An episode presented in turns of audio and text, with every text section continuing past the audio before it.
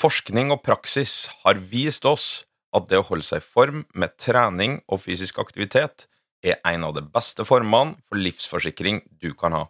Men ingen av oss vet hvilke retninger livet tar oss i, og selv ikke trening kan beskytte deg mot uforutsette hendelser som brann og ulykker i hjemmet ditt, et sykt barn eller forsikre bilen din. Til det her har du forsikringene til Fremtind Forsikring, som er eid av Sparebank1 og DNB. Ready, set, go! Hjertelig velkommen til prestasjonsprat med Eirik og Melina. Hei, Melina. Hallo, Eirik. Hvordan er det med deg? Det er egentlig ganske bra. Jeg forbereder meg mentalt på å stupe inn i jobblivet igjen, som skjer nå førstkommende mandag, 1. november. Ja. Så det gleder jeg meg til. Hvordan forbereder du deg mentalt? Eh, Har du noe go to? Eh, Er det noen rosa isbjørner i bildet, eller er det hva, Hvordan forbereder du deg? Ja, det er ikke så mye rosa isbjørn. Eh, Det er litt mer konkret enn som så. Det er mer sånn at jeg har hatt oppstartsmøte med veileder. Eh, I hodet mitt driver jeg og planlegger og lager lister over alt som skal gjøres. Det er søknader som skal sendes hit og dit. Det er veldig sånn strengt når man skal gjøre medisinsk forskning, så alt må liksom være i orden. Og det er rett og slett det er så mye å ta tak i at det, går litt i surr for meg innimellom. Så ja, jeg driver rett og slett og lager mentale lister, men jeg skjønner jo at eh, jeg burde begynne å skrive det ned også. Ja, det er jo ikke Ja. dumt. Jeg har jo prøvd å dratt i butikken en del i det siste uten liste. Det er ikke bra. Nei. Så liste er bra. Ja, det frigjør litt mental kapasitet å skrive ned ting, syns jeg. Så det skal jeg begynne å gjøre litt mer nå. Og så i dag skal jeg faktisk um, ha en presentasjon for hva skal man si, neste liksom, masterkullet. Mastergradsstudenter som skal begynne å jobbe med prosjektene sine. Så da skal jeg inn og pitche mitt prosjekt, da. Ok. Håper at jeg klarer å få et eh, team med flinke, ivrige, engasjerte masterstudenter som eh, ja, kan jobbe med meg, da. Ja, så det her, du kan bru tenke å bruke den episoden her som et innsalg. Ja, det var det jeg tenkte. Jeg føler at vi har, det er såpass mange NHO-studenter som lytter. Ja, ja. Så der fikk jeg inn den. Ja, det er bra. Mm. Du, jeg tror vi hopper rett til dagens tema. Ja. Eh, Jeg har for øvrig ingenting å komme med eh, annet enn at ting står veldig bra til med meg, og vinteren kommer snart, så det er snart eksamenstid for eh, undertegnede. Fordi eh, vi skal snakke ganske mye i denne episoden om et miljø vi kjenner veldig godt, som er langrennsmiljøet. Eh, jeg kan vel strengt tatt ikke si noe annet enn at hele mitt voksne liv har dreid seg om langrennsmiljøet. Eh, og i det siste så har det vært skrevet opp, side opp og side ned i avisene. Det er for så vidt eh, stort sett bare positivt, det, at langrenn får spalteplass. Eh, men i det siste så har det vært veldig mye på bakgrunn av et varsko fra ulike hold om at miljøet, altså langrennsmiljøet, er veldig belasta med spiseforstyrrelser. Og så er det sånn Når en leser det her, så begynner vi å tenke sånn er- Ok, ja, er det egentlig sånn? Eh, vi tar opp det her temaet som en slags sånn fortsettelse da, på den eh, Reds-episoden vi hadde med Jorunn Sundgodt-Borgen.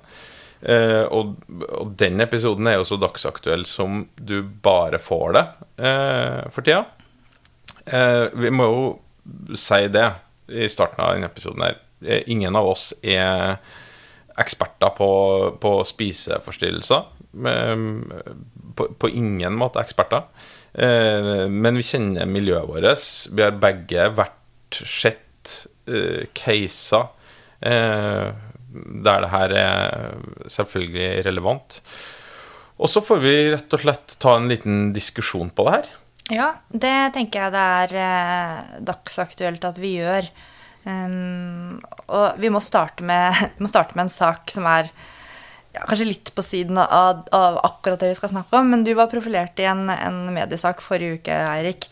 Uh, og på hjemmebane så hadde vi på forhånd, før den saken kom ut, snakket om at um, folk, det er en del folk som reagerer på og tror at dine uh, utøvere utelukkende lever på uh, sunne råvarer og ikke liksom at folk reagerer da, hvis noen av utøverne tar seg en, en bolle, eller de tror at de spiser at de ikke spiser godteri og ikke spiser bakervare. At det er fryktelig strengt eh, og rigid og spartansk med, med kostholdet.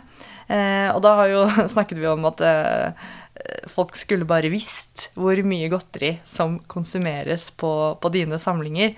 Kan du ikke fortelle litt om ja, litt mer detalj om hva du snakket om i pressen?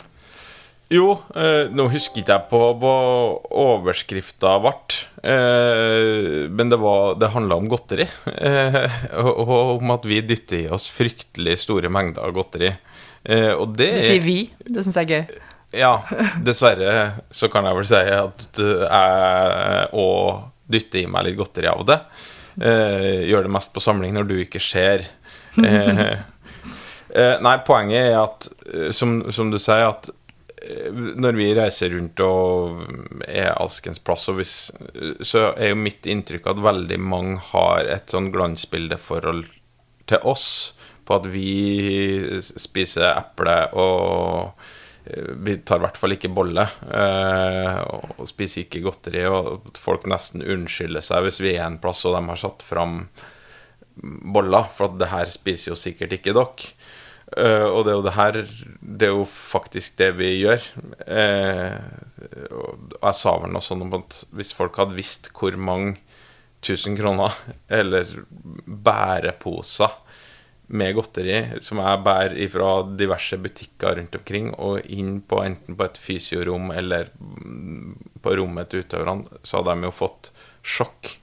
Altså det her uh, Og som kanskje det som ikke kom veldig godt fram i saken, men som er realiteten, er at eh, det er jo ikke bare godteri og bakst vi spiser. Nei, fordi det her kosematinntaket, det kom jo virkelig på toppen av eh, en grunnmur satt sammen av et, det vi kaller et, et sunt og variert kosthold med Ja, ja. normale, gode råvarer, fisk, grønnsaker, frukt, altså hele den regla der. Det er jo ikke Ja. sånn at det erstatter eh, Nei, nei. annen sunn mat, men det er på toppen av fordi det trenes så mye på samling. Og så er det jo det med at det er, det er kos òg, da. Man skal ha det hyggelig og sosialt. Og det er hyggelig at det står en bolle med godteri på stuebordet når man henger rundt der. Jeg har jo vært i de situasjonene på samling selv. Ja, og, og så handler det jo først og fremst om energi. Vi må ha energi. Eh, vi går fra økt til økt, til intervall, til eh, langturer på over tre timer. Altså det, det går i ett med trening. Hvis utøverne mine ikke har energi, så begynner det å gå ut over kvaliteten på trening. Ja.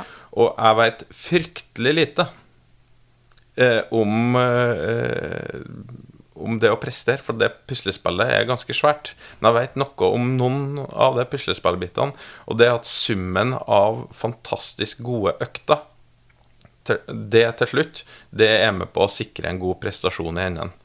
Og hvis vi ikke har energi, så begynner det korthuset her med gode økter å bli ganske mye lavere. Eh, så at vi må sørge for å ha energi, og da er, er det her godteriposene, bolleposene etc. Det er med på å sikre eh, nok energi til at det øktene vi skal gjennomføre, blir hur bra som helst. Ja, her er det jo litt forskjell på folk. Eh, fordi eliteutøvere de er jo så godt trent at de beveger seg eh, De beveger kroppene sine i et sånt tempo eh, og bruker Altså de bruker mye energi på trening.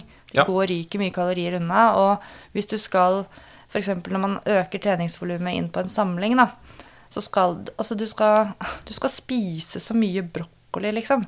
Volumer med da f.eks. grønnsaker for å få i deg nok energi. Det er begrenset hvor en magesekk kan ta også. Ja, ja. Så det er jo en, sånn, det er en, en funksjonalitet i den. Jeg kaller det kosematen, jeg, også.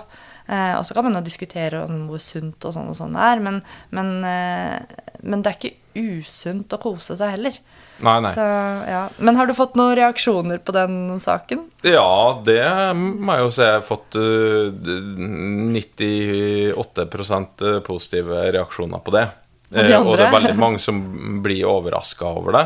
Eh, og, og så har jeg fått noen som er helt rystet eh, over at vi spiser godteri, og at det er usunt for oss, og tennene detter ut. og eh, tarmene blir dårlige og, og sånn, men, men det er utelukkende, vil jeg si, 98% det vil jeg si er utelukkende positivt. Ja, jeg syns i hvert fall personlig det var veldig bra at du tok opp det. eh, At Ja det går an å spise eh, kosemat eh, selv om man er idrettsutøver. Ja, og, og en, et år for en idrettsutøver, det, eh, et mesterskapsår, så handler jo det om eh, Da har du fryktelig mange dager som er i det såkalte treningshalvåret. Eh, og, og, og da Vi må bare legge sammen økt på økt på økt, som er fantastisk bra. Og da er det energiinntaket er, Det er kanskje feil å si alfa og omega, men det er en stort bilde av det her. Det handler om å ha energi tilgjengelig, eller nok energi tilgjengelig til å gjennomføre det på best mulig måte. Det gjelder egentlig alle som driver med idrett. Ja, også, Energi er liksom helt basalt nederst i den derre pyramiden som vi kan lage oss av forskjellige eh? Du har energi eh, nederst, og så har du treningen, og så måte, kommer faktorene oppover, da. Ja, Eh, og det, det er jo her sånn Jeg, da, som ikke springer fra økt til økt, og en uh, tretimers rolig øh, Så har jeg som regel, og som jeg kanskje er med på på morgenen, så kan jeg finne på å sette meg i bilen på rulleski på andreøkta. Eh, sånn at mitt eh, energiregnskap, da, det går ikke nødvendigvis i null. eh, på ei sånn samling. Jeg og jeg, fikk, eh, jeg husker på om det var forrige samling vi har, så eh, sa vel Emil Iversen til meg at han skulle gi meg skryt for en ting. Det var at jeg levde meg veldig inn i utøverlivet eh, med at jeg spiste det samme som dem. Eh, uten nødvendigvis å gjøre det samme som dem. Uh, så, og det er sånn over tid så tror ikke jeg at jeg har veldig godt av eh, å spise nøyaktig det samme som dem med mitt Nei, aktivitetsnivå. det er vel også noen som har uttalt 'aldri stolt på en tynn trener'. Nei. Med innforstått at da trener treneren for mye til å bry seg masse om utøverne. Så Ja. ja, Men det er en helt annen diskusjon, da. Ja. Hvis vi går til da litt mer inn i dagens tema, så skriver jo eh, VG har jo kommet med en artikkelserie som de kaller for 'Idrettens syke side'. Og Dagbladet har nå sluppet første artikkel i sin serie som de kaller 'En syk skinasjon'. Og da tenkte jeg bare å sitere liksom hva Dagbladet skriver i innledningen til denne nå artikkelserien, som kommer til å komme med eh, artikler utover. Da skriver de at i nesten et år så har Dagbladet ved hjelp av nye journalistiske metoder og gjennom hundrevis av menneskemøter undersøkt omfanget av spiseforstyrret atferd og spiseforstyrrelser i vår nasjonalsport langrenn og i skiskyting. Vi har foretatt røntgenmålinger, hormontester og omfattende validerte psykologiske tester i jakten på dokumentasjon. Vi har også undersøkt langtidsvirkningene av flere års ernæringsunderskudd blant utøverne. Dagbladet har i tillegg brukt spesiell teknologi og analyse av store mengder data i søket etter svar. Det vi fant, bekreftet ikke bare ryktene, det var mye verre. Funnene er dystre, mener eksperter. I de neste ukene og månedene skal vi fortelle en helt ukjent historie om den norske nasjonalidretten og dokumentere den.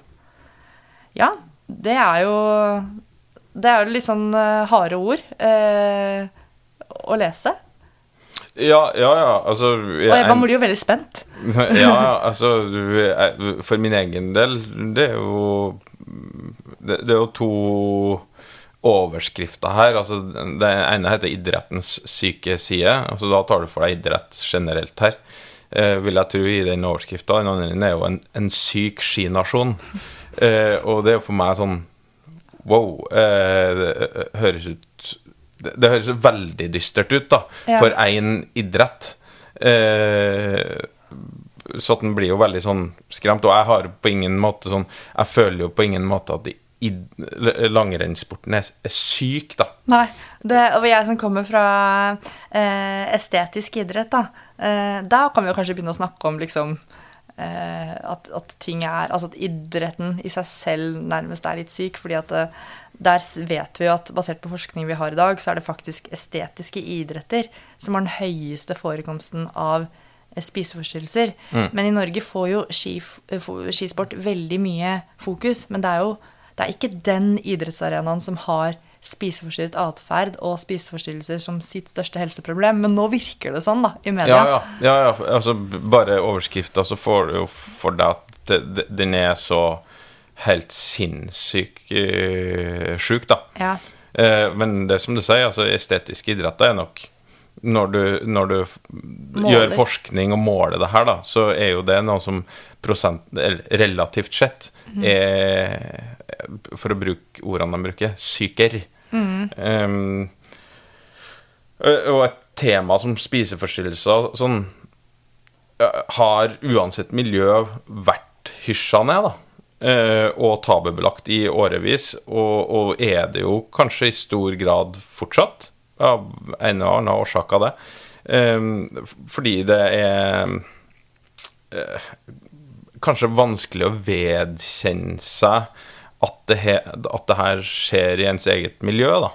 Uh, enten at det skjer med en av utøverne er trener for, eller skjer med eget, egne unger, eller at det skjer med seg sjøl, eller med bestevenninne eller bestevenn, etc.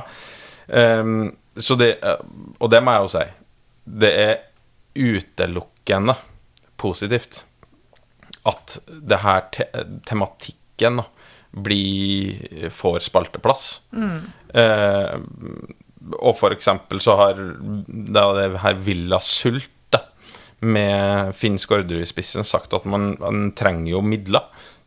Altså forskning koster penger, eh, eksempel. Ja, og stillinger som kan, Ja. med faktisk personell som kan ta seg av de som Ja. trenger det. Og, og det at det her blir satt fokus på, og det får oppmerksomhet i media, det kan jo hjelpe at eh, det blir lettere å få midler på et mer idrettspolitisk eller politisk plan. Eh, og ikke minst så kan vi som trenere, støtteapparat og sånn bli mer eh, sånn Ok, ja, det her temaet må jeg faktisk oppdatere meg på, eller lese mer om, altså bli flinkere på. Ja, det er jo et signal om at dette er viktig. Dette er noe alle bør ha kunnskap om og sette seg litt inn i, da. Ja, ja, ja. Ja. Det er jo så bra at ernæring og spiseforstyrrelser og dette også med kroppsbildet har blitt satt skikkelig fokus på. Men jeg har jo eh, plukket opp et og annet eh, som jeg både har hørt eh, på noen podkaster og overhørt andre snakket om i løpet av de siste eh, to ukene, eh, hvor da liksom unge foreldre eh, altså dagens unge foreldre, da, eh, nå får inntrykk av at idretten generelt, og da skiidretten spesielt, ikke er et trygt sted i det hele tatt å sende barna sine.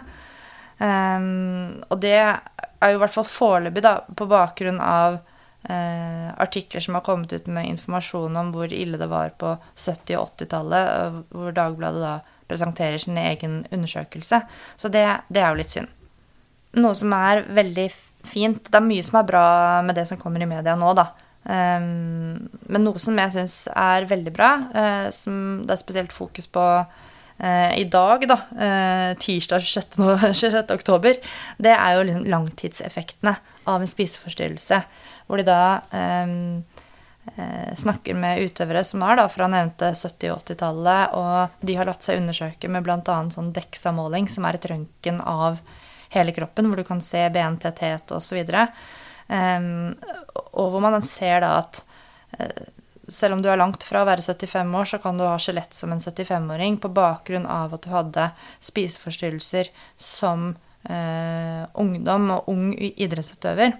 Og det tror jeg er noe som mange ikke tar nok inn over seg. Dette med at ja, spiseforstyrrelser, det hadde hen i eh, den perioden i puberteten eller i liksom som førsteårs senior eller noe sånt, og så er det liksom over, og så gikk man videre med livet og ble voksen og fikk familie og sånn, men så er det faktisk sånn at du kan bli preget resten av ditt voksne liv med da senskader og eh, problemer som har oppstått på bakgrunn av spiseforstyrrelser. Og vi har snakket om dette med benmineraltetthet eh, tidligere i, den podkasten om REDS. Og det er jo ikke sånn at det er 100% reversibelt hvis man har eh, fått redusert benmineraltettheten sin. Så det at sånne ting kommer frem, det at hva du gjør i ungdomstiden, har konsekvenser for både, ikke bare langsiktig mulighet for prestasjon, men også for lang, livslang helse, det syns jeg er så bra. Jostein Hallén var jo også litt inne på dette med blod og Mm. Ja. Så um, Ja, på vår forrige podkast, som podcast, omhandla barn, barn og ungdom og pubertet Mm. etc. Så det syns jeg er veldig, veldig fint fokus av media, da. Men, eh, og nå har ikke de eh, lagt fram undersøkelsene sine. De har jo, Dagbladet har bl.a. gjort en, en eh, spørreundersøkelse. Men spør, selve spørreundersøkelsen har jo ikke blitt publisert. Altså selve sånn skjemaet. Sånn at eh, Jeg syns jo det er vanskelig å eh, skulle egentlig det er vanskelig å kommentere på noe du ikke vet hvordan er målt. Det er forskeren i meg som kommer fram, da. Men, eh, men ja. Men, men det er jo sånn Det som har kommet til nå, omhandler jo ting som skjedde for flere tiår tilbake, altså 70-80-tallet og, og, og den biten der. Og, og kunnskapen, og det står det jo i artiklene, og kunnskapen om det her psykisk helse, psykisk, eh, psykiske lidelser, da. Eh, det var jo en helt annen på den tida.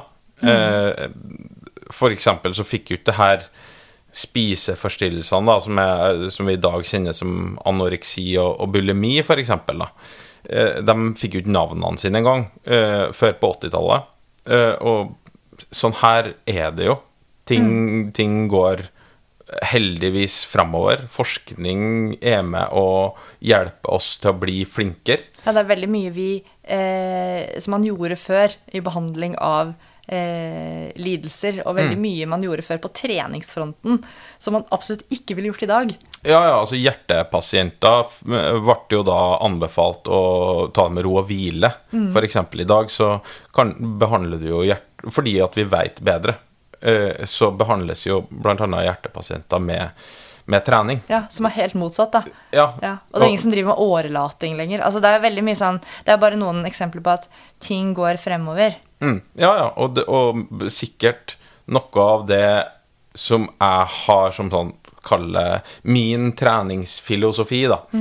Eh, eh, når vi spiller inn en, en ny podkast om 40 år, da har det vel kanskje kommet noe annet enn podkast, for så vidt, men, men hvis vi gjør det, så kan det jo hende at jeg kan sitte opp på et vis flire av mine tanker som 35-åring. Ja. Fordi at jeg, mm, jeg, jeg, visste ikke bedre, men på bakgrunn av den kunnskapen jeg hadde i dag, eller da, eh, så var det det beste jeg kunne. Vi Eh, har jo også Unnskyld at jeg avbryter, men jeg bare kom på det at det er jo eh, Jeg kjenner jo til noen forskere som, som bl.a. forsker på dette med kvinnehelse, da, som, hvor den ene har liksom uttalt at eh, eh, om et gitt tema, da. Jeg har skrevet bøker om det her, jeg har skrevet artikler om det her, jeg har holdt foredrag om det her, reist verden rundt og snakket om det, og nå eh, vet jeg at jeg tok feil da. Ikke sant? Du har produsert så mye materiale og virkelig liksom preachet et budskap, og så har du gjennom din egen forskning eh, 10-15 år senere funnet ut at ah, jeg drev med vranglære på den tiden, men der sto kunnskapen da. Og det kan tenkes at eh, det var jeg, Dette blir jo spekulasjon, men kanskje var det litt, er det litt den situasjonen man har nå med når man ser tilbake og intervjuer de som var trenere på 70- og 80-tallet, utøvere på 70- og 80-tallet. Man hadde ikke navn og, og definisjoner på eh, spiseforstyrrelser, forstyrret spiseatferd. Man hadde ikke samme kunnskap om selvfølelse, selvbilde, ja, behandling. behandling, ikke minst, og, og det å ta signaler og symptomer.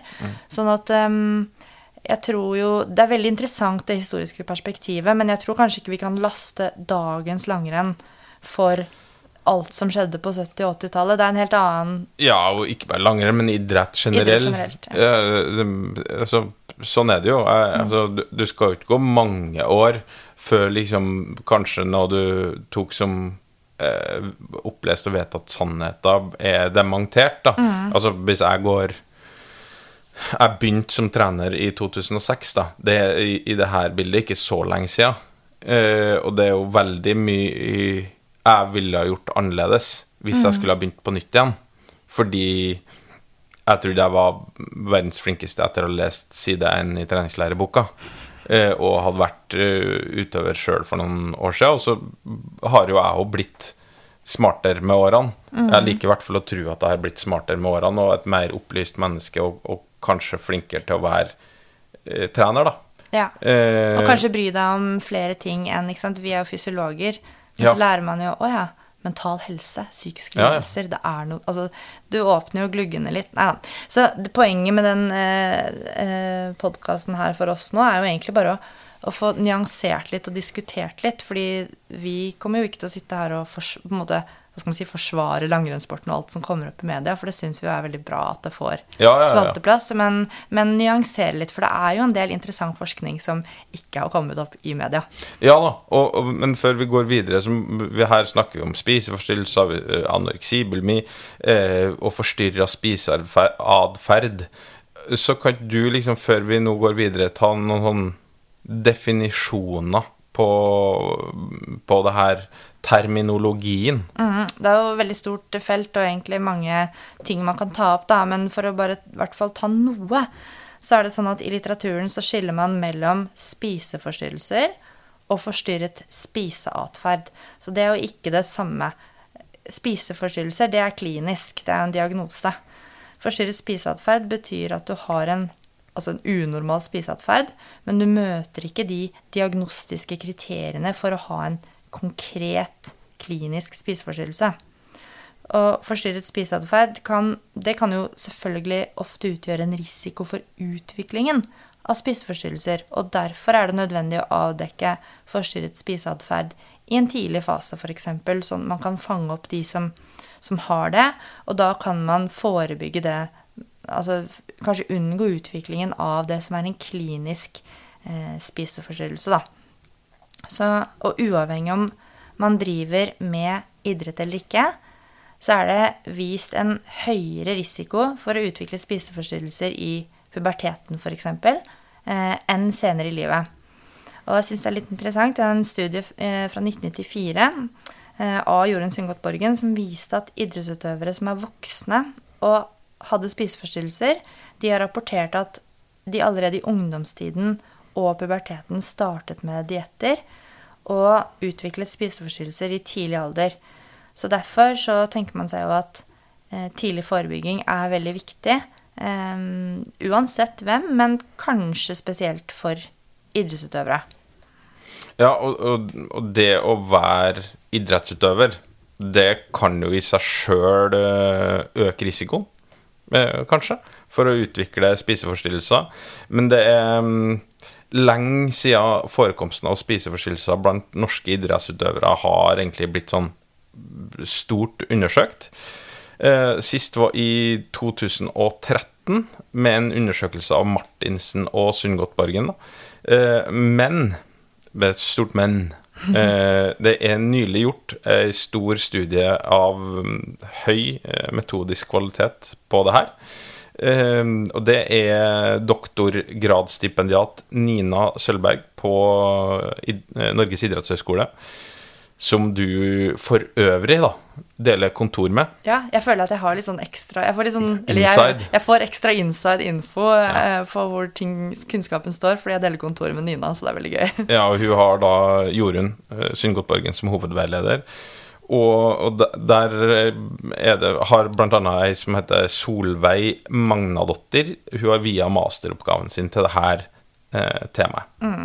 Så Nina og jeg vi har hatt eh, mange diskusjoner om disse undersøkelsene, altså undersøkelser på forekomsten eh, av eh, spiseforstyrrelser og forstyrret spiseatferd hos elever på idrettsgymnas og toppidrettsgymnas. Og dette er jo ja, dette er jo eh, dagens langrennsløpere, annet. Eh, men de er ikke publisert ennå, så jeg kan jo ikke si noe mer eh, om de resultatene, annet enn at de kan virkelig bidra til å nyansere det negative bildet som media nå maler av langrenn og skiskyting. Vi skulle jo ønske selvfølgelig at dataene var tilgjengelige for alle nå, og det tror jeg forskerne selv, eller vet jeg de selv også ønsker, fordi det er så god kvalitet, og det er veldig viktig kunnskap. Men eh, Nina har sagt ja til å gjeste podkasten når eh, studien blir offisiell på nyåret, og vi får vite hva forekomsten av spiseforstyrrelser egentlig er i dag i og utenfor eh, eliteidretten. Og jeg tror jo, eh, eller føler meg ganske sikker i min sak når jeg sier at det korrekte svaret på hvordan forekomsten av spiseforstyrrelser er i dag, om den faktisk er høyere hos utholdenhetsutøvere sammenlignet med eh, kontroller, altså ikke-idrettsutøvere, den får vi nok ikke gjennom medieoppslag og medieundersøkelser. Den får vi bl.a. fra denne studien og andre fremtidige vitenskapelige studier hvor det er brukt veldig gode måleinstrumenter, og det er brukt helt spesifikke spørreskjemaer. Så det, det blir veldig bra når det kommer, da. Så håper jeg at media som, som, gjør egne undersøkelser, etter hvert vil publisere de faktiske spørreskjemaene som de har brukt, da. Ikke bare komme med eh, det er 30% forekomst av spiseforstyrrelser eh, blant langrennsløpere osv., men at man faktisk kan eh, få tilgang til hvordan har de undersøkt det. For det sier litt om kvaliteten på, eh, på dataene som de presenterer til hele Norge nå, da. Mm. Um, det er jo en del sånne risikofaktorer, mm. eh, eh, kanskje spesielt for unge utøvere, eh, som kanskje i mye større grad enn eh, kanskje oss voksne i gåsehendene blir eksponert for. Så vi tenkte å ta for oss noen av de her mekanismene eh, som kan potensielt eh, være med på å, å, påvirke sånn at du utvikler spiseforstyrrelser eller sp eh, forstyrra spiseatferd. Årsakene til at noen utvikler en spiseforstyrrelse, er selvfølgelig veldig sammensatt. Vi har ikke lang nok podkast til å kunne ta alt her. Men eh, for å forklare mulige årsaker til utvikling av spiseforstyrrelse, så skiller man mellom disponerende, utløsende og vedlikeholdende faktorer. Så disponerende faktorer det kan være genetikk og miljø. Utløsende faktorer kan f.eks. være pubertet eller en traumatisk opplevelse som f.eks. overgrep eller Men det kan også være kommentarer osv. Um, det kan òg være slankende, uh, slanking og dietter, men det kan også være vedlikeholdende faktorer. Ting du gjør som bidrar til opprettholdelse av spiseforstyrrelsen. Mm. Altså, biologi, da, det eh, kan faktisk ha ganske mye å bety. Eh, det er jo ganske godt kjent at da her pubertet uh, og kjønn spiller en rolle. Eh, men det kan òg være trekk med personligheten din som er med å påvirke. Ting som perfeksjonisme, eh, nevrotisisme og narsissisme. Det ble mye, mye isme. masse isme her. Um, og er noen sånne her sånn kalle personlighetstrekk, da. Som kan ha betydning for eventuelt utvikling av spiseforstyrrelse. Eh, for eksempel så er det særlig det å være introvert, mm. for eksempel, mm, og perfeksjonistisk. Eh, det er sånn Det er ganske tett forbundet med da anoreksi, da. Mm, det at man har de to tingene i kombinasjon. Mm. Puberteten er jo en periode i livet med store hormonelle svingninger, eller stormer, kan man nesten si. Det er jo en, en tid hvor, liksom, hvor, man prøver å finne ut hvem man er, eh, hvor man passer inn. Man vil kanskje bare passe inn.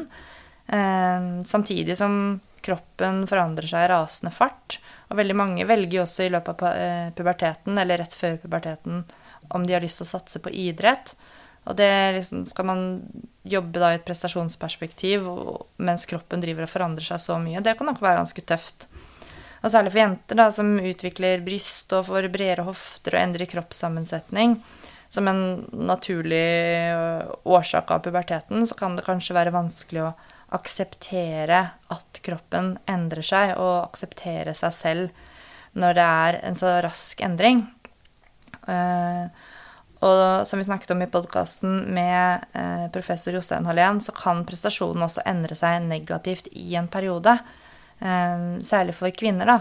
Så her tenker jeg at det er veldig viktig at ungdommen selv og trenere og foreldre får ganske god kunnskap om, om dette her, om spiseforstyrrelser generelt, men også om puberteten som en risikofaktor.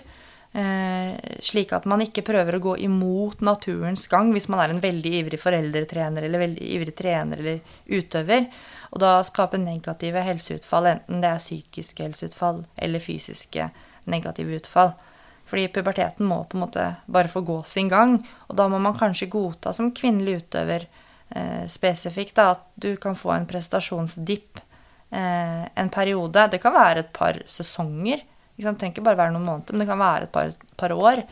eh, hvor du ikke liksom løper så mye fortere og går så mye fortere på ski, men du kanskje blir bedre på andre ting, da. Kanskje du blir bedre på teknikk. Så og kjønn er en faktor. Jenter har 5-15 ganger høyere risiko for å utvikle spiseforstyrrelser sammenlignet med gutter. Men uavhengig av kjønn så er jo dette her med, som du nevnte, med, med perfeksjonisme en, en, risikofaktor og et symptom, da, Erik? Ja, og mange idrettsutøvere har sånne her perfeksjonis perfeksjonistiske trekk. Det er et vanskelig ord. Jeg er ikke perfeksjonist nødvendigvis. og den her perfeksjonismen og forstyrra spiseatferd, da, det har en sammenheng. For, for, for det her idrettsutøverne kan den her perfeksjonismen også bidra da, til en sånn urealistisk forventning til prestasjoner eller til framgang, den biten der. Mm og, og, det her kan jo på et vis føre videre. Eh, ballen kan begynne å rulle, og, og du kan få et sånn misnøye da, med ditt eget kroppsbilde og til prestasjonene dine, og du kan eh, begynne å jeg, trekke konklusjoner som ikke er der. Da. Mm, man kan få et litt sånn forvridd bilde av egen situasjon. Mm. Ja. Og noe som eh, kanskje ikke akkurat hjelper på det bildet der, det er jo sosiale medier. Vi må snakke litt om det. Ja, eh, det er jo noe som har kommet til eh, de siste årene. Mm. Det var jo ikke der før. Nei, på 70-, 80- og veldig store deler av 90-tallet, egentlig mest hele 90-tallet, mm. så var jo ikke det noe vi trengte å forholde oss til. Nei, og det her sosiale mediene, det øker jo den her eksponeringa for kropp, og bidrar kanskje til et et økt kroppsfokus. Og, og, hvis man da ikke er trygg i seg sjøl angående sitt eget sjølbilde eh, og, og sjølfølelse, så er det her egentlig bare med på å dytte deg nærmere et stup, da. Kan, mm. kan være. Eh, det, jeg må sånn si det Vi har jo en som skal vokse opp, eh, eller som driver og vokser opp, egentlig. Ikke enda eksponert for sosiale medier. Men etter hvert Han har sett litt på Instagram, faktisk, men vi har bare sett på katter og andre babyer, da. ja, ja. Men jeg har ikke inntrykk av at han er perfeksjonistisk og har et feil eh, Begynner å sammenligne seg sjøl med andre sånn kroppsmessig. Nei, jeg det. Eh, men jeg tenker jo det at der mine foreldre, da, de hadde kanskje kun det ene, det idrettsmiljøet, å, å følge med på i forhold til meg. Mm. Um, mens vi, da, som skal være hans nærmeste, vi må jo egentlig følge med mye breiere. Ja, og jeg tror også at du egentlig ikke har sjans til å følge med på alt. Det går ikke. Nei. De som er eh, liksom eh, Ja, de som er ungdommer, de, de tar nye sosiale medier mye kjappere til seg. De lærer seg det mye kjappere. De bruker kanskje sosiale medier på andre måter enn voksne. Så, så, det er vanskelig å følge med, men at man må ha litt innsikt i hva de eksponeres for. Eh, prøve å få med seg litt hva de snakker om og er opptatt av, uten at man skal drive og liksom tråkke inn for mye inn i, i ungdommens privatliv. Det tror jeg er viktig. Mm. Um, nyere studier har jo vist at sosiale medier kan være en av de miljøfaktorene som kan trigge en spiseforstyrrelse hos personer som er sårbare. Uh, altså, med sårbare så mener de da at du har lav selvfølelse. Og eh, studiene har også vist at bruk av sosiale medier det kan skape kroppsmisnøye og dårlig selvbilde, og det kan igjen bidra til å utvikle forstyrret spiseatferd og spiseforstyrrelser hos da de sårbare individene. Ja, og, og, og en sånn ganske svær eh, amerikansk studie har bl.a. vist at det ikke er signifikant forskjell på forekomsten av symptomer på spiseforstyrrelser hos idrettselever på 17 24 år, sammenligna med altså, tilsvarende studenter i samme aldersgruppe, men som ikke er idrettselever. Ja, for det var det jeg glemte å si, at dette med sosiale medier, det gjelder jo på en måte Det ikke det som jeg snakket om nå nettopp, det er jo ikke spesielt for idrettsutøvere. Det gjelder jo generelt. Ja, ja. Og, tenker, og, man, og, nå er jo saken det at det er, så, det er så høy forekomst av spiseforstyrrelser hos idrettsutøvere og idrettselever osv. Men det store spørsmålet er jo litt sånn Er det mer av det i idretten enn i samfunnet? Og den her amerikanske studien um, som du fortalte oss om nå, det Erik, den, den viser jo det at det er faktisk høyere forekomst utenfor idretten, altså blant de som ikke er idrettsutøvere, enn de som er det. Og det finnes også en norsk studie som, som viser den samme tendensen. Da, det er fra Martinsen eh, et al. 2010. Og de fant at mens 44% av kvinnelige og 13% av mannlige idrettsutøvere hadde symptomer på spiseforstyrrelse, så hadde 70% og 30% av mannlige kontroller det samme. Ja, sant? 70 av kvinnelige og 30 av Ja. mannlige. Ja, eh, sånn at i den kontrollgruppa, altså de som ikke drev med idrett, så er forekomsten mye høyere. Og det samme mønsteret, det støttes, og det finner man også i flere andre internasjonale studier, uten at vi skal sitte og liksom liste opp alle disse prosentene. Så det er veldig viktig at dette med spiseforstyrrelser og forstyrret spiseatferd, det må vi se på som et samfunnsproblem heller enn et idrettsproblem. Selv om det er klart at innen idrett så er eh, forekomsten høyest i vektsensitive idretter, som f.eks. langrenn, løping, eh, vektklasseidretter. Og så har vi også sagt tidligere at den er definitivt høyest i estetiske idretter. Men det er først og fremst et samfunnsproblem. Ja, og det tror jeg du kan bare det, Altså, det er, nest, det er jo det viktigste du nesten har sagt. I livet mitt. Nei, men altså det med at eh, mitt inn, altså, Det er lett å få det inntrykket nå av det som blåser opp i media. At Ja. det her altså, det er Begynn med idrett, få spiseforstyrrelse. Ikke sant? At det er Ja. kausalt, nesten. Eller begynn med langrenn og skiskyting, Ja, og få det. da går det til helvete. Men det er viktig hvis en skal behandle det her, da For at en som Én er en for mye, uavhengig om en driver med idrett eller ikke. Mm. Og da altså, Hvor er det skoen trykker her? Ja. Og da er det jo et samfunnsproblem i større grad enn et idrettsproblem. Ja. Men da ser vi jo ikke at det ikke er et idrettsproblem. Nei, det ene utelukker ikke det andre. Og jeg vet også um, fra holdt på å si, eh, samtaler med, med de på jobb og de forskerne som, som jobber spesifikt med det her, at det er også veldig viktig at man har helt spesifikt eh, utformede spørreskjemaer for å fange opp eh, symptomer osv. i spesifikke populasjoner. Sånn at eh, det kan godt være at man må bruke kanskje et annet type spørreskjema for idrettsutøvere hvis man ønsker å avdekke én ting enn enn for en ikke-idrettsutøvere. Så det er mye sånne nyanser i forskningen som, som også em, eh, man jobber med for å få mer og mer presise tall og bli tryggere og trygge på hva som faktisk er er en forekomst, da. Um, men, men det er definitivt Det er først og fremst et samfunnsproblem. Uh, og så betyr ikke det at det ikke er, er et problem i idretten. Så ja. Men uh, vi må snakke litt mer om uh, altså disse faktorene som kan være med på å trigge spiseforstyrrelse, uavhengig om du driver med idrett eller ikke. Ja, ø- sånn selvfølelse, da. Eller sjølfølelse, som det heter på trøndersk. Det det er veldig viktig. Og lav selvfølelse ø, har en sammenheng med utvikling av både forstyrra spiseatferd og spiseforstyrrelser. Men, men det her gjelder jo generelt. Altså, du kan jo ha lav sjøltillit eller sjølfølelse om du driver med idrett, eller om du ikke driver med idrett. Eh, så det, det her er jo ikke bare spesifikt for idretten. Ja, og selvfølelse og selvtillit er jo ikke det samme. Nei. Selvtillit er jo situasjonsspesifikt. Eksempel noen har, eh, kan ha kjempegod selvtillit eh, i matte, eksempel, mens, mens andre har det i engelsk, og vice versa. Altså, det kan være liksom Men selvfølelse, det mm, Ja, det er jo den grunnmuren. eh, emosjonelle var, grunnmuren. emosjonelle grunnmuren. Mm. Eh, som, som du handler og tenker og føler ut ifra. Så det er en sånn betingelsesløs følelsesmessig vurdering av hvorvidt du selv oppfatter deg som verdifull og viktig. Så hvis du har god selvfølelse, så klarer du å akseptere deg selv som verdifull og bra selv om prestasjonene dine er dårlige.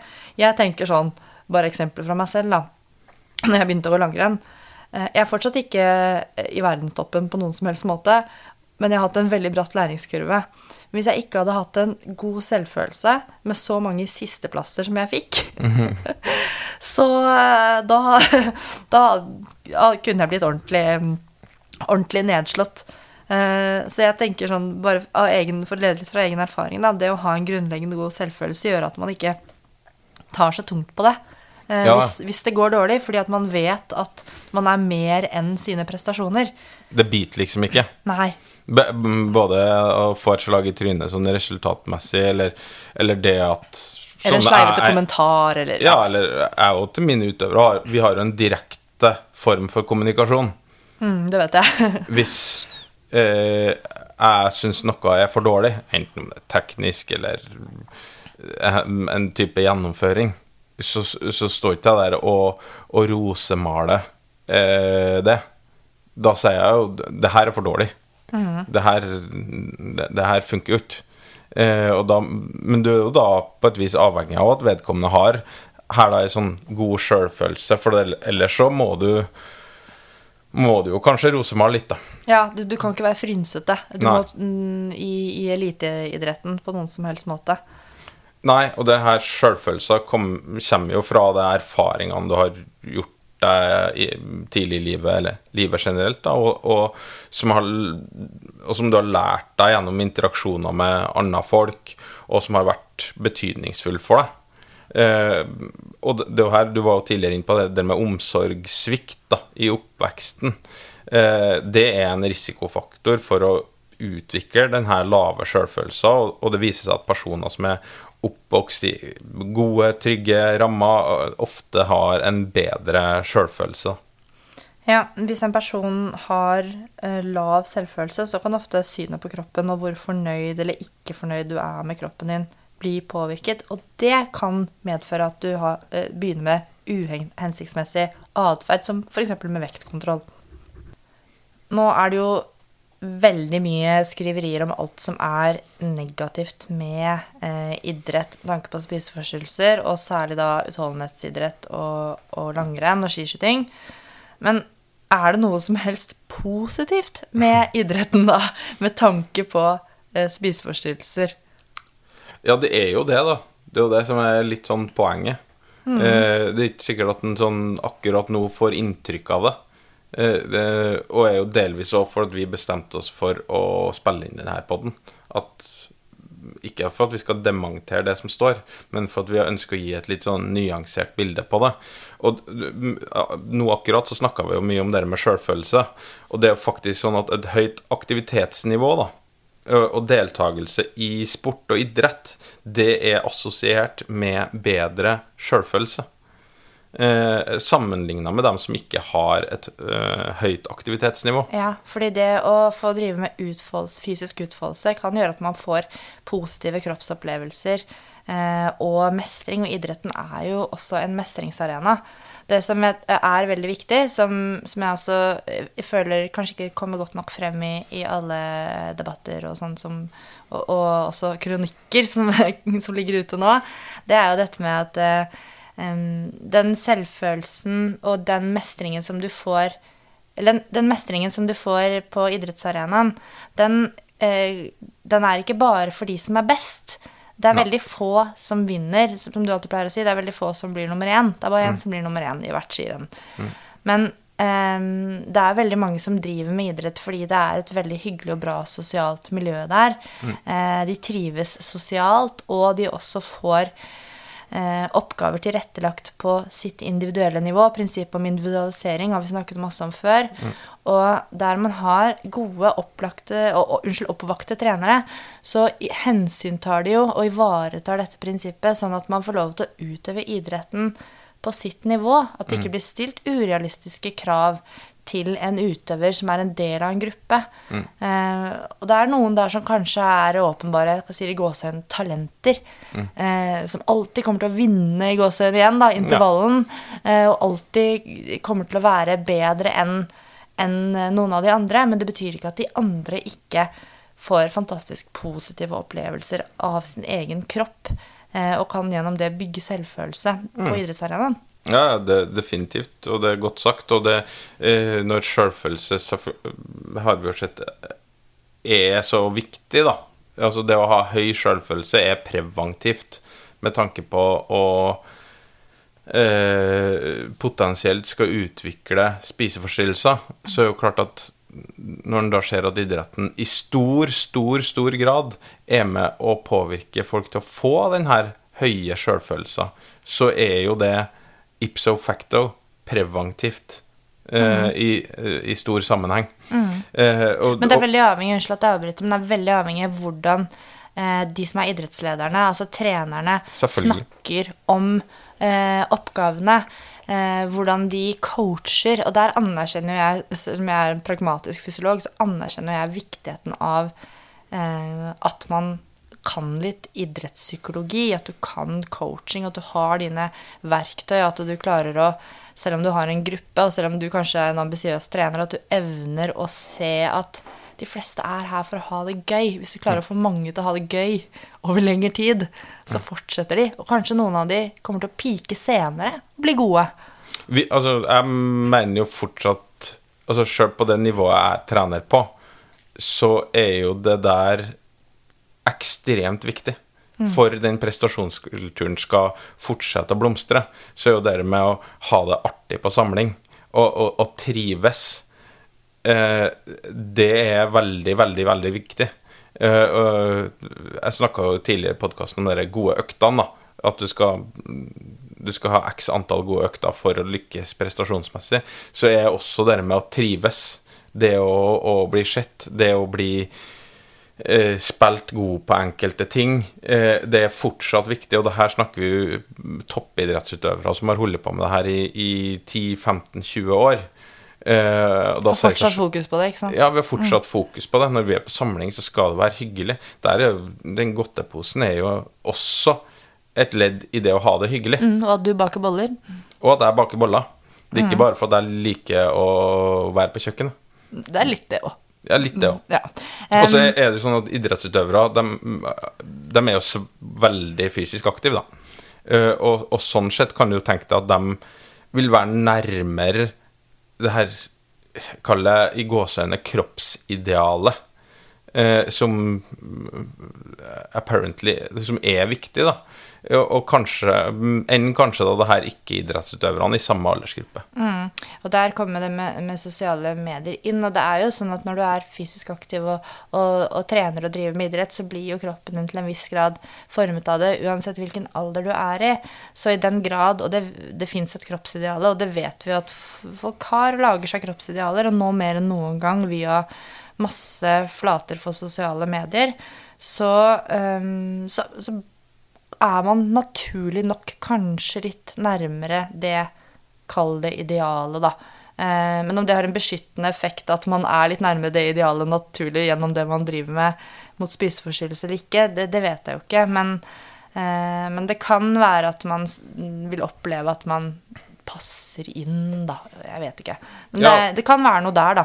Ja, altså den, den mestringsarenaen da, som idrett er, Ja, den- eh, den er jo viktig. Den, den til, kan bidra til positive følelser om seg sjøl, om egen kropp etc. Men da, der igjen, viktig at der, eh, For at mestringsarena kan bekke begge veiene. ikke sant? Hvis du ikke, hvis du ikke har noen rundt deg, støtteapparat rundt deg i form av trenere og sånn som er, er god til å bygge det for hver enkelt til en mestringsarena.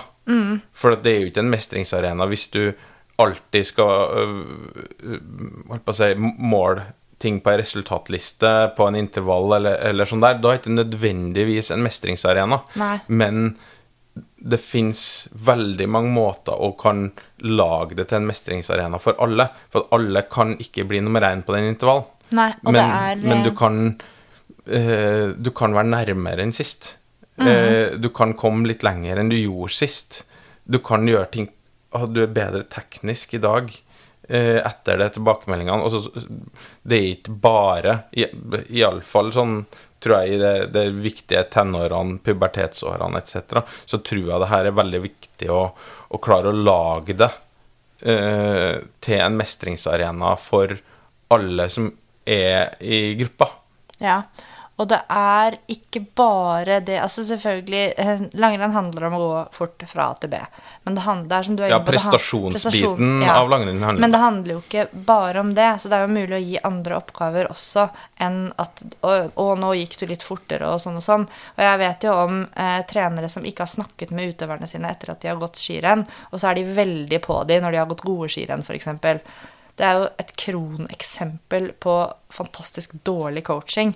Og da Signalet til utøverne da er jo at um, Å ja, han eller hun bryr seg bare om oss når vi går fort på ski. Eh, og da blir det på en måte da, Og, da, og som eh, Jeg kan kjenne meg veldig igjen i det selv, men du idoliserer jo på mange måter trenerne dine. Du ser opp til dem, og du vil Man higer på mange måter etter deres oppmerksomhet og anerkjennelse. Og hvis den eneste måten å få det på, få den anerkjennelsen på, bli sett på, er å ha et godt resultat på en resultatliste, da blir det beinhardt. Det blir veldig tøft, og det er og det, si, det blir ikke akkurat noen god selvfølelse av det. Så som trener, dette har vi snakket om tidligere, men man har et kjempestort ansvar i de veldig formative årene som puberteten er, for å være med på å bygge en selvføl god selvfølelse. Og som forelder så har man også det.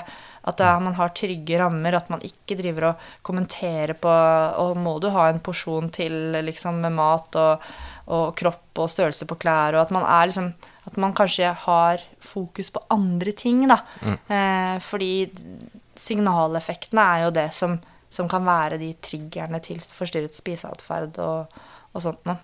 Så ja. Um, en annen ting er jo at snakket om, Vi har vært inne på dette med samfunnsproblem. Jeg er jo nå blitt folkehelseforsker og er veldig opptatt av det. Men frafall i idretten i løpet av eller etter puberteten, det er jo et, egentlig et stort problem. Um, og det at unge mennesker i dag er altfor lite fysisk aktive, det er et gigantisk problem fra et folkehelseperspektiv. Jeg mener å ha lest um, noen ganske nye data Jeg lurer på om tenåringer, om det er 14-15-åringer i dag som sitter så mye som eh, 14-17 timer for døgnet, eller et eller annet. sånt. Altså i ro, da. Altså, Ja, det er med søvn, da, sikkert. Nei, nei. Våken stillesitting. Altså, de, de er eh, Ja, det går jo ikke helt opp. Men, eh, men det er i hvert fall noen sånn hinsides tall. Det kommer sikkert eh, Det er sikkert noe som kommer mer i media etter hvert. Men det er noen nye rapporter.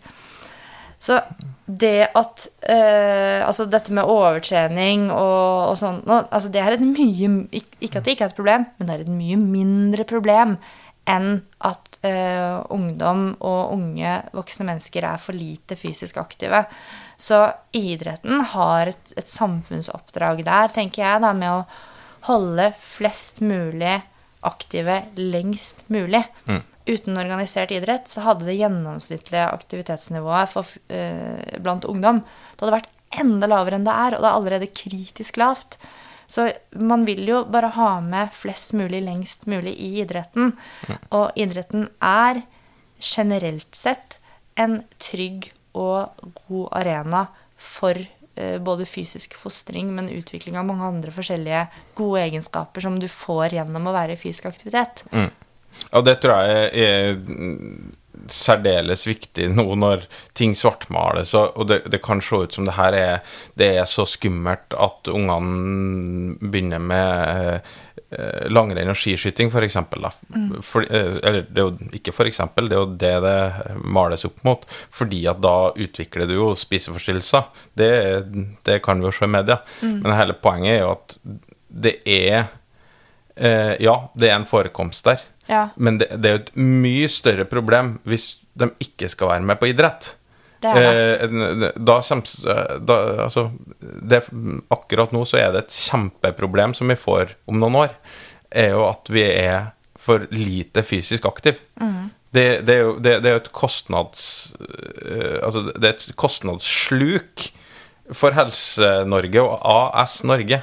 Eh, akkurat det. Og det blir, det blir ikke noe bedre heller eh, fremover. Så jeg tenker jo litt sånn takeawayen herfra er jo ja, vi har et eh, Vi har eh, forstyrret spiseatferd og spiseforstyrrelser som et problem innen idretten. Og ja, særlig i vektsensitiv idrett. Det har vi. Men forekomsten er, skal vi tro forskningen som foreligger per nå, den er høyere eh, hos de som ikke driver med idrett. Så den er høyere i samfunnet generelt, da, forekomsten av spiseforstyrrelser. Ehm, og idretten er en positiv arena for å kunne drive med fysisk aktivitet mm. på en organisert og sosial og hyggelig måte. Eh, men det, det er fortsatt mye å gå på når det gjelder det å ha eh, Og det er kanskje det siste som, jeg, som vi ikke har snakket om på forhånd, men som jeg tenker er kanskje fint å belyse, er at det som jeg har opplevd gjennom klubbmiljø, eh, når det har skjedd liksom, Når det har vært noen caser der da, med, med vanskeligheter med mat og, og den ting, er at vi hadde ikke et beredskapsapparat. Vi hadde ikke en beredskapsplan for hvordan man skulle håndtere det når en utøver eh, havnet i et uføre med forstyrret spiseatferd. Eh, når det skjedde, så måtte vi liksom bare snu på hæren og bare raske sammen en, et apparat og en beredskap, og det fungerte veldig bra. Um, men der var vi veldig heldige med at det var veldig mange ressurssterke fagpersoner i akkurat det miljøet, og sånn er det ikke i alle idrettslag. Nei, nei. Sånn at det og de som er idrettsledere, dere som lytter på, som er trenere, uh, sett dere sammen med oppmenn og, og foreldre og, og lederne i klubbene deres, og forsøk å lage en beredskapsplan for hvordan skal vi håndtere det når vi, når vi får bekymringsmeldinger. Ja. Og da kan man også få hjelp av sånn som eh, eh, ROS, og man kan få hjelp av Sunn idrett, og det fins instanser å ta kontakt med. Ja, ja, det tror jeg er ekstremt viktig. En er jo er det, dere uh, Hva var det du kalte det? Altså det der innsatsgruppa som skal Ja, beredskaps, Eh, beredskapsgruppa. Ja, beredskapsplan. Det er det ene. Og så er det jo det andre den, den, Hvordan skal vi preventivt unngå at den beredskapsgruppa noen gang trenger å handle? Ja. Det er jo kanskje det aller, aller viktigste. er jo den hvordan skal vi gjennom den gruppa vi trener for, eller i den klubben, altså handle preventivt? Mm. Eh, kanskje allerede i de årene før vi, vi veit at Før pubertet, da. Ja, det, altså, det er jo barn helt ned i, i 10-11-årsalderen som, som begynner Ja. å utvikle symptomer. Så hvordan skal vi se alle? Hvordan skal vi ivareta Ja. individene?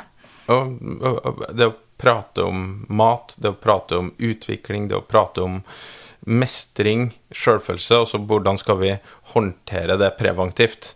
Eh, og så selvfølgelig, hvis om at det, eh, dersom at det, eh, at du Når du får en case, så må være Må du ha en slags sånn handlingsplan og ikke stikke hodet i sanda Mm. og tenke at det her eh, Hvis jeg ikke hører eller ser, så går det her sikkert over. Ja. Du må ha en, en, en klar handlingsplan for, for den aktuelle utøveren og, og, og de nærmeste der. Ja, og dette er jo, eh, På elitenivå så har man jo tilgang på veldig mye støtteapparat, så jeg tenker at skal ikke si, der er det ikke noe problem.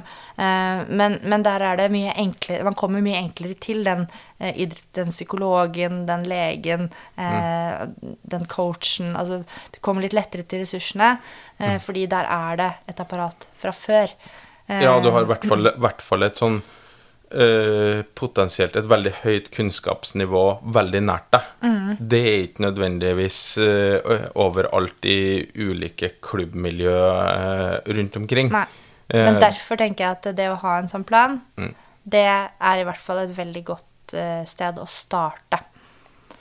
Ja. Det var den podkasten. Ja, det er jo et spesielt tema å diskutere, men jeg syns jo det er veldig spennende og veldig interessant. Og så må jeg si at Altså, jeg vet jo om noen av de artiklene som kommer til å komme fra Dagbladet, og det er jo noen personer som, som jeg også kjenner veldig godt, som har medvirket i de, så jeg er spent på hvordan eh, det, det som kommer til å komme, blir, eh, blir mottatt. Men vi sitter jo her og i ut, utgangspunktet syns at det er utelukkende bra at eh, det får fokus, men vi er litt skeptiske til overskriftene.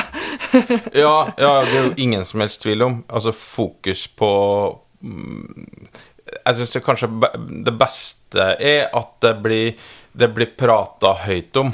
Eh, en ting er at eh, Og det har jeg sagt, at vi som forbilder, da Altså laget mitt som, som tross alt er forbilder rundt omkring, må kanskje være enda flinkere enn det vi har vært før. Til å prate høyt, vise hvordan vi, vi gjør ting. Eh, fordi at da eh, kan vi bryte vekk de glansbildene, da. Ja. Eh, som jeg tror folk slår konklusjoner på at skal du bli like god som oss, eh, så Må du må du gjøre ditten og sånn og sånn. Ja. ditten og datten. Og så veldig mye av det ditten og datten mm, du slår feil konklusjoner over. Det Grunnen til at de er på det nivået, det er at de har trent helt sinnssykt bra i veldig mange år. Eh, det er hovedgrunnen til det. Og for at de skal ha klart og trent så bra i mange år, så er energi eh, et ekstremt viktig punkt. Og det får, de, får vi gjennom mat, godteri, eh, mine boller, eh, mye annet rart. Skal vi ta oss en bolle, da? Jeg fikk lyst på boller, jeg nå. Jeg fikk lyst på bolle. Ja. Ok, men da må du bake. Da blir det sånn Toro-pose, men det går fint. Det, det ordner seg. Ja. Det skal vi få til. Bra. Da takker vi for oss. Vi kommer til å legge eh, linker til en del av forskningen som vi har pratet om i episodenotatene. Og hvis du trenger noen å snakke med, eller trenger å ta kontakt med en instans hvor de er eksperter på spiseforstyrrelser og forstyrret spiseatferd, så finner du også det i episodenotatene. Ha det bra! Ha det.